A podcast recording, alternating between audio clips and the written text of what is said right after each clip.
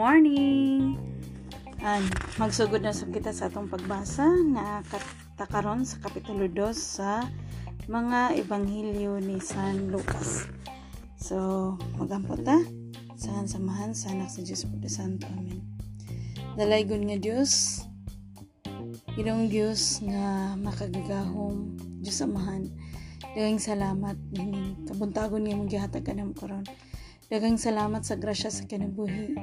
Dagang salamat sa mga tao nga gihatag mo kanamo para mas ma-practice pa namo ang among pakig uh, maayo nga tao pakig pagpaduol kanimo unsaon na mo pagpasaylo unsaon na mo pagpaubos unsaon na mo pag sabot unsaon na mo pag tinabangay sa usag-usa daghang salamat. O Ginoo tabangi usab kami sa among mga kakuwangan. Nilabi na sa among mga sala.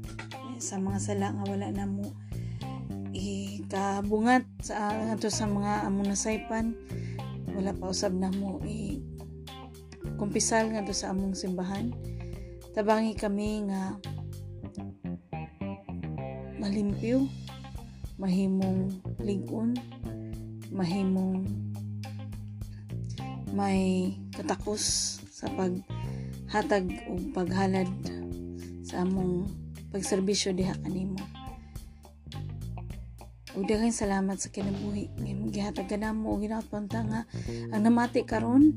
Imong i-bless ang iyang life ug ang iyang kabanay, iyang pamilya, iyang panlawas, ilabaw, labaw na sa tanan ang spiritual nga pagto ginapunta nga mas maligon kami diya sa among paglaong pagkigugma sa among isig katao sama sa among pagpakita sa among pagkigugma diha kanimo masunod unta namo ang imong mga sugo. Kining tanan among gipangayo pasalamatan pinagi sa ngalan ni Kristo among amen. Sa samahan sa anak sa Dios Porto Santo amen. Ang mayong balita mahitungod kang Hesus Kristo sumala ni San Lucas. Kapitulo 2 Ang pagkatao ni Hesus, versikulo 1 hangtod sa 7. Niadtong panahona may pakanaog og sugo sa Emperador Augusto ang tanang nagpuyo sa tibuok harian sa Roma magpalista Si Serenio mao'y gobernador sa Syria sa panahong gihimo kining unang pagpanglista. Busa ang tanan miadto sa ilang tagsa-tagsa kalungsod aron sa pagpalista. Gikan sa lungsod sa Nazaret sa Galilea, miadto si Jose sa Hudiya, ngadto sa Bethlehem, ang lungsod nga natawan ni Hari David. Miadto si Jose dito kay kaliwat man siya ni David. Ang tuyo niya mao ang pagpalista uban sa iyang pangasaw unon nga si Maria nga nagsabak ni atong higayuna.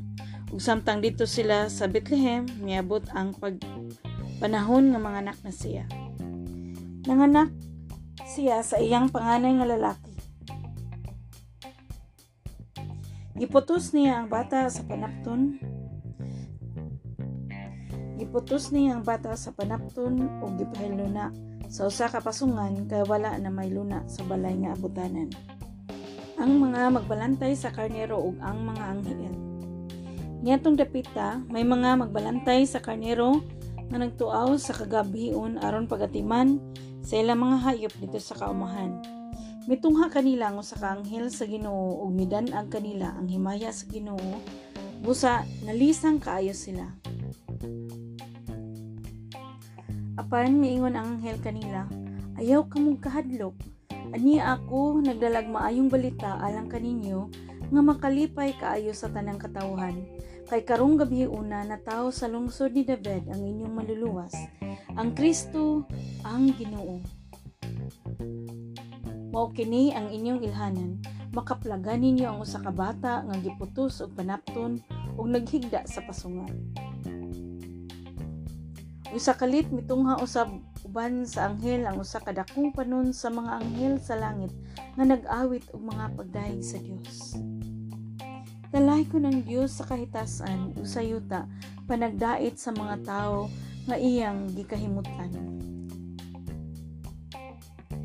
Sa namalik na ang mga anghel ngadto sa langit, ang mga magbalantay sa karnero nag-inganay, Mga kita sa Bethlehem ug tan-aw nato kining nahitabo nga gipahibalo ka nato sa Ginoo.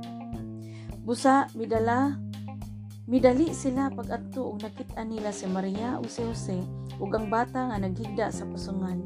Sa diha nga ang mga magbalantay nakakita sa bata, gisugilon nila ang gisulti sa anghel mahitungod kaniya. O ang tanang nakadungog ni ini nahibulong sa gibalita kanila sa mga magbalantay sa karnero Gitipigan ni Maria kay tanan sa iyang kasing-kasing ug namalandong siya pag-ayo mahitungod ni ining mga butanga. Unya na mauli ang mga magbalantay nga nag-awit ug mga pagdayeg sa Dios tungod sa tanan nga ilang nadungog ug nakita sumala gayud sa gisugilon kanila sa anghel. Ginganlang Jesus ang bata. Sa walo na kaadlaw ang bata, gihimo ang seremonya sa pagtuli kaniya Ginganlan siya Jesus, ang ngalan nga gisulti sa anghel kang Maria sa wala pa ipanamko ng bata. Gihalad ni Jesus, gihalad si Jesus dito sa templo. Versikulo 22 hangtod sa 38. Miabot ang panahon nga si Jose ug si Maria nag magtuman sa seremonya sa paghinlo sumala sa gisugo sa balaod ni Moises Busa gidala nila ang bata ngadto sa Jerusalem aron ihalad nila sa Ginoo. Sumala sa nasulat sa balaod sa Ginoo. Ang tanang panganay nga lalaki kinahanglang ihalad ngadto sa Ginoo. Niadto usab sila aron paghalad og usa ka paris nga tukmo o duha ka uyabog nga sa lampati sumala sa gisugo sa balaod sa Ginoo. Nining panahona may tao nga nagpuyo sa Jerusalem nga nyalag Simeon, mayo siyang tao ug mahadlokon sa Dios ug nagpaabot sa kaluwasan sa Israel. Naguban kaniya ang Espiritu Santo. Ug gipadayag kaniya sa Espiritu Santo nga dili siya mamatay hangtod nga makita niya ang Kristo nga gisaad sa Ginoo. Minanduan sa Espiritu, misulod sa Simeon sa templo, sa gidala na ang bata nga si Jesus sa iyang mga ginikanan ngadto sa templo, aron dito ilang himuon kaniya ang gisugo sa balaod, gikuha og gikugos ni Simeon ang bata ug nagpasalamat siya sa Dios. Karon Ginoo, kay imo namang gituman ang imong saad, itugot na nga ang imong sulugoon mo panaw nga malinawon. Kaysa kaulgalingon kong mga mata, nakita ko ang imong kaluwasan. Nga imong giandam, atubangan sa tanang katawhan. Usa ka kahayag nga magpadayag sa imong dalan ngadto sa mga dili Hudiyo ug maghatag sa himaya didto sa imong katawhan nga Israel. Ang amahan ug ang inahan sa bata nahibulong sa pagadungog nila sa gisulti ni Simeon bahin kaniya. Unya gipanalanginan sila ni Simeon ug miingon kang Maria nga inahan sa bata. Kining bataa gipili sa Dios alang sa kalaglagan ug kaluwasan sa daghang mga tao sa Israel. Mahimo siyang ilhanan gikan sa Dios nga supakon sa daghang mga tao. Ug tungod niini mapadayag ang ilang mga tinaguang hunahuna. Ug ang kaguol nga sama sa usa ka hait nga espada mulagbas sa imong kaugalingong kasing-kasing.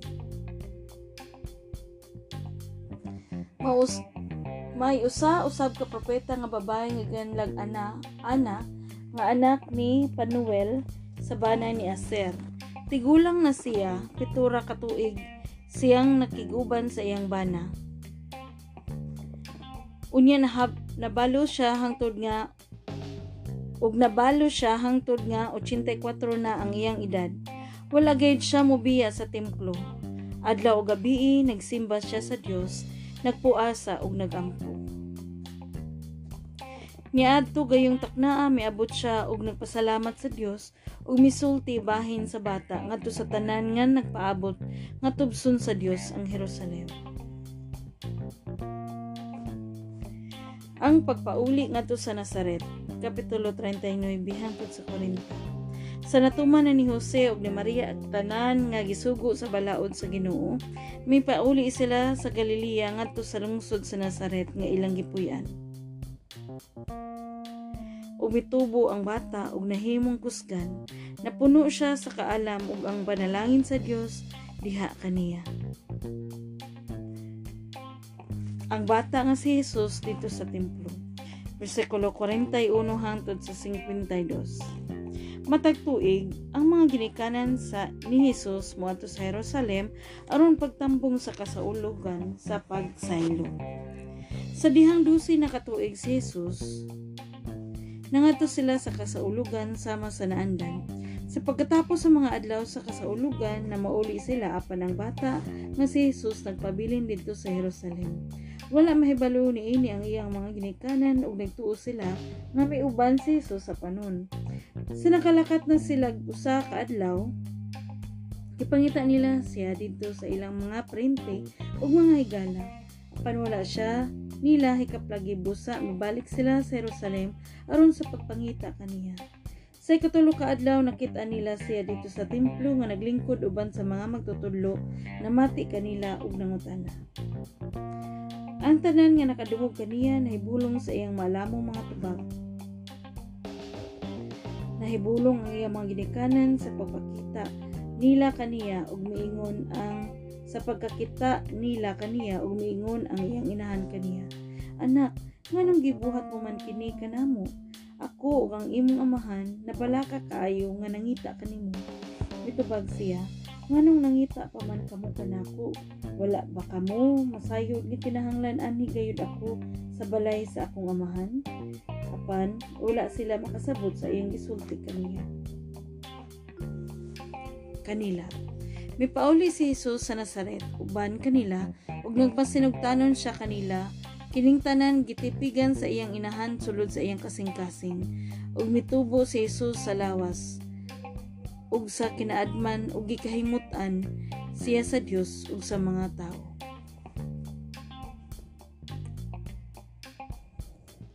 Mao kini ang pulong sa Ginoo.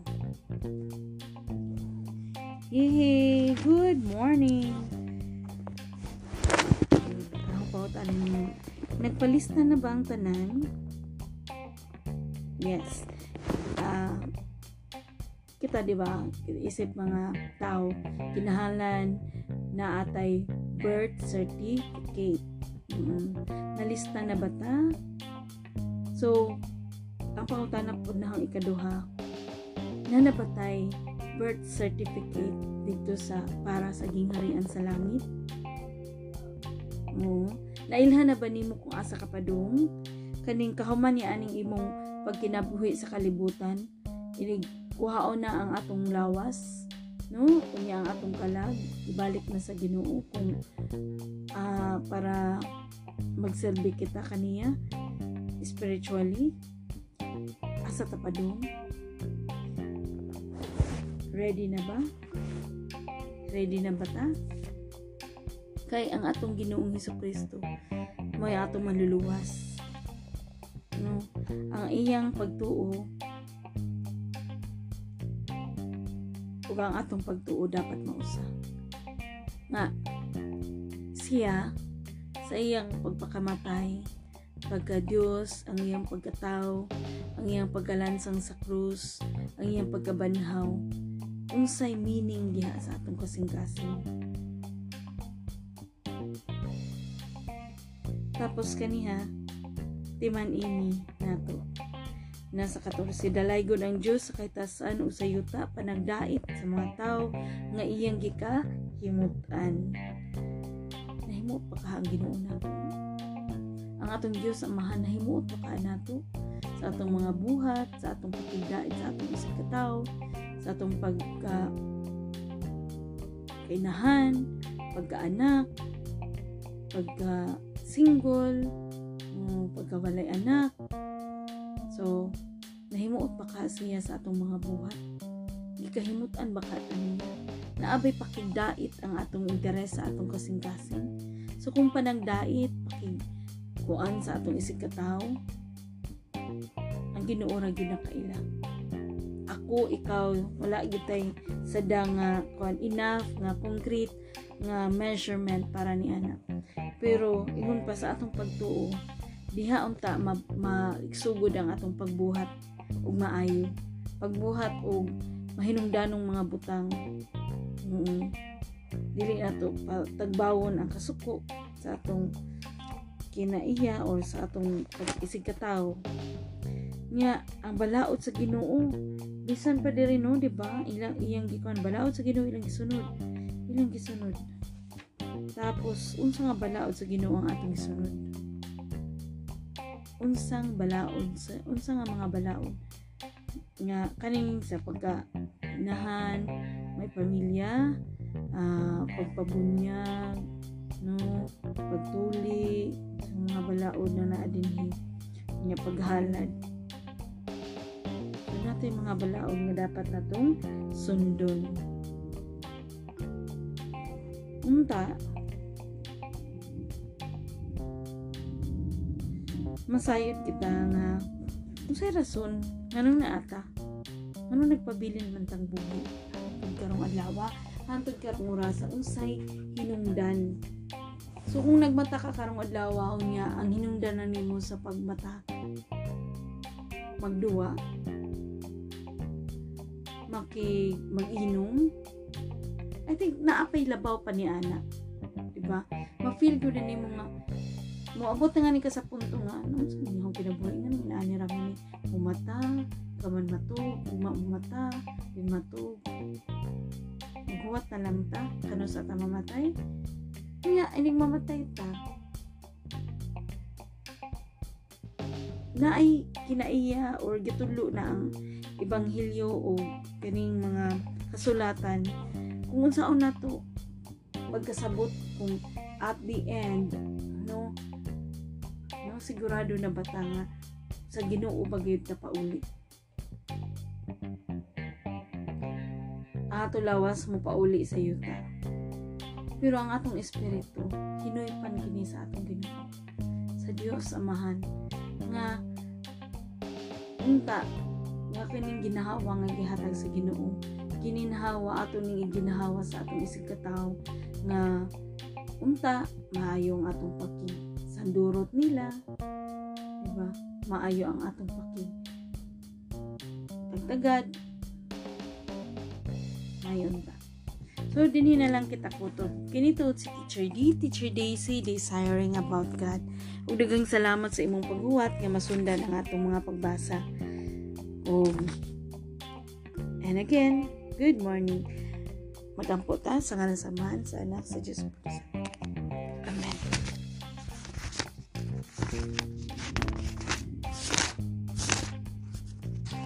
Amahan namo nga nasa langit, balaano ng imong halan, maghari ka kanamo ug tumano ng imong pagbuot dinhi sa yuta sa mga gituman kini dito sa langit. Ihatag kanamo ang pagkaon nga ayong mo among gikinahanglan karong adlaw. Ugpasaylo kami sa among mga sala, sa mga kami nagpasaylo sa mga nakasala kanamo. Ayaw kami tungyan sa pagsulay, luwas sa hinuon kami gikan sa dautan. Kay imong gingharian ang gahong mugang himaya, hangtod sa kahangturan namin. Magimaya ka Maria, napuno ka sa grasya ang ginong Diyos mula kanimo. Bulan ikaw sa mga babaeng tanan, bulan mo na sa bangbunga siya nga sa Jesus. Santa Maria, inan ka sa Diyos. Igampong kami mga makasasala, karon ug sa oras sa aming kamatayan. Amen. Himaya, samahan sa anak sa Diyos, Porto Santo, ngayon sa karon sa gihapon sa mga katuigan, walay katapusan nga tanan. Amen. Sa samahan sa anak sa Diyos, Porto Santo. Amen. Bye! God bless you うん。